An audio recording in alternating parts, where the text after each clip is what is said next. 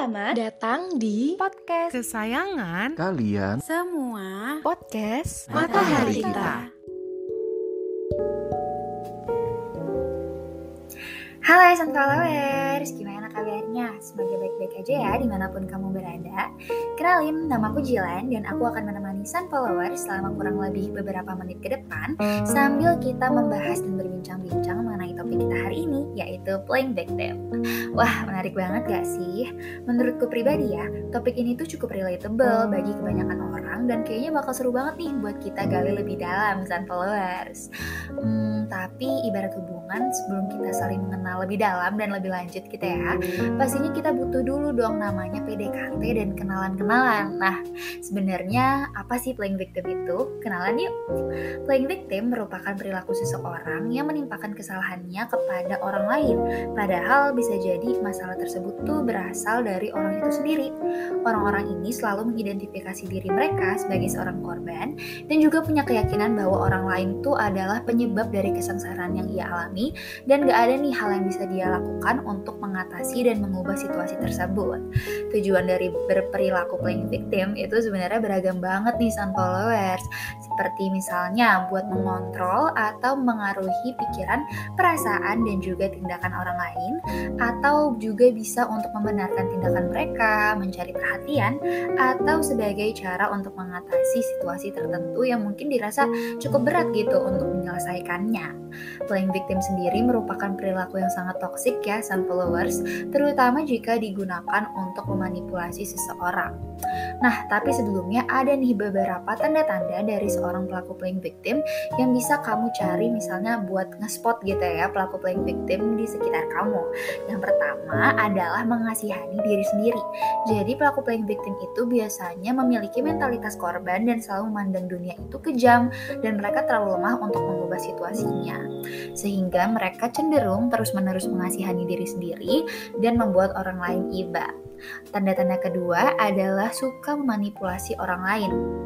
Jadi para pelaku playing victim itu suka banget nih menampilkan diri mereka sebagai orang yang tidak berdaya untuk mendapatkan simpati dan dukungan dari sekitar. Mereka juga bisa membuat orang lain merasa bersalah atas suatu hal yang pernah diperbuat. Tanda-tanda selanjutnya adalah menyalahkan apa pun dan siapa pun kecuali dirinya. Orang yang suka playing victim cenderung menyalahkan faktor eksternal atas kondisi mereka yang malang. Padahal mereka masih memiliki kontrol gitu ya atas diri sendiri dan juga terhadap situasi yang mereka alami. Selanjutnya, mereka cenderung tidak bahagia dengan hidupnya karena seseorang dengan uh, playing victim mentality itu cenderung uh, merasa tidak pernah cukup gitu. Jadi mereka tuh suka bersikap pesimis dan juga nggak pernah bisa menghargai momen-momen bahagia yang, ter yang terjadi di hidupnya. Dan tanda-tanda terakhir adalah seorang pelaku playing victim kerap terlibat dalam drama. Jadi tidak peduli apa pun yang terjadi, tampaknya selalu aja gitu ada seseorang yang memperlakukan mereka dengan buruk. Biasanya sih dramanya diceritakan hanya dari perspektif uh, sebelah pihak aja gitu, jadi nggak dari dua sisi. Dan jadinya biasanya tuh menggambarkan uh, pihak lain sebagai orang yang benar-benar bertanggung jawab dan penyebab masalah itu gitu. Jadi mereka tuh suka menolak bertanggung jawab dan juga mungkin bisa aja somewhere along the way memutarbalikan fakta gitu. Nah, sebenarnya apa sih penyebab seseorang bisa berperilaku seperti ini?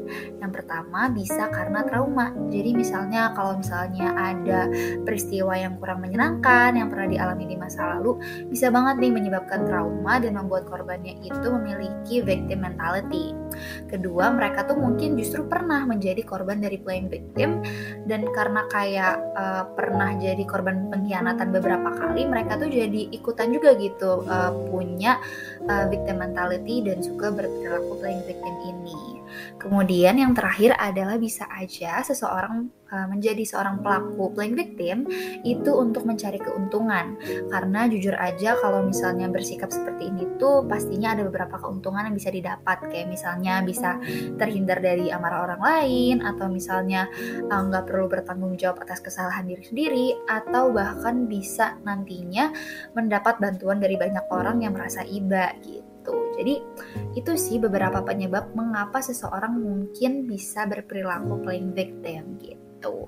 Nah kalau dari pengalaman Jilan sendiri sebelumnya pernah sih punya temen yang kayak rada-rada menjurus ke playing victim gitu. Nah Jilan gak bakal sebut nama dong pastinya, tapi intinya si A ini dia tuh kayak um, waktu dulu tuh kurang bertanggung jawab nih dalam menjalankan tugas-tugas selama kepanitiaan. Kayak suka ngilang, suka nggak ngerjain tugas, sampai akhirnya Jilan dan teman-teman pun memutuskan untuk uh, tidak berusaha mencari dia lagi dan memutuskan untuk membackup dia aja gitu, menjalankan tugas-tugas dia agar acara tetap bisa berjalan dengan lancar.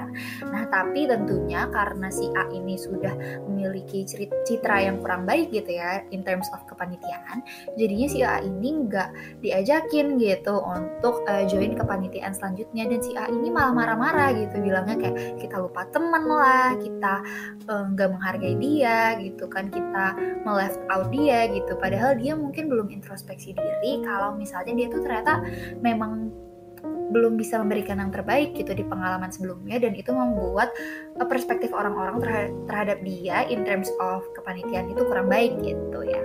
Nah, kalau cara mengatasi orang-orang seperti itu dari pengalaman Jilan sendiri, biasanya Jilan tuh coba untuk uh, dengan jalur konfrontasi sih jujur ya. Jadi kayak Jilan coba ajak ngomong empat mata, tapi tentunya dengan sikap yang baik dan juga dengan uh, menjaga agar tidak terpancing emosinya gitu. Tapi juga jangan bersikap seolah-olah kita tuh kayak menutup kemungkinan kalau kita tuh juga salah. Jadi intinya kedua belah pihak harus punya understanding kalau kedua belah pihak itu juga memiliki kemungkinan kalau mereka salah dalam situasi tersebut.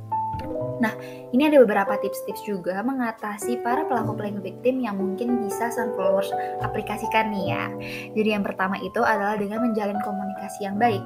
Karena kalau kita sudah memulai percakapan dengan seseorang dan kita coba terlihat untuk effort gitu lah ya untuk mengerti situasi mereka, untuk mengerti masalah mereka dan untuk uh, berempati lah istilahnya, mereka cenderung akan lebih open terhadap kita gitu. Tapi yang kedua yang perlu dilakukan adalah juga dengan memberikan batas. Memang terkadang kita tuh cenderung ingin langsung aja gitu ngebantu teman kita, apalagi kalau misalnya kita tahu jalan keluarnya. Nah, tapi kalau ke pelaku playing victim tuh nggak bisa kayak gitu sama followers. Jadi kamu juga harus memiliki batas, memiliki boundaries, sampai mana nih kamu membantu dia dan sampai mana dia tetap harus mengemban tanggung jawab untuk membenarkan kesalahannya sendiri dan juga menyelesaikan masalahnya sendiri gitu. Yang ketiga adalah dengan memberikan bantuan. Karena seorang pelaku playing victim itu tentunya perlu kita support juga ya biar dia itu tidak merasa sendiri. Tapi ya tentunya dengan seperti yang Jilan katakan dalam poin sebelumnya jangan terlalu berlebihan juga gitu dalam memberikan bantuan. Perlu ada boundaries-boundaries gitu mungkin sekian dulu ya dari topik playing victim bersama Jilan gitu ya. Karena menurut Jilan sih kita udah cukup uh, membahas itu Z banget lah tadi ya. Mulai dari definisi penyebab tujuan bahkan pengalaman pribadi dan cara mengatasi orang-orang dengan perilaku playing victim. Tapi Jilan juga kepo banget nih sama pendapat atau insight atau pengalaman yang mungkin Sun Followers miliki terkait topik ini. Boleh banget ya kalau punya di share aja. Nah semoga kamu bahagia terus dan semangat ya menjalani menjalani rutinitas serta kesibukan-kesibukannya. See you and stay tuned to Matahari Kita Podcast. Bye-bye!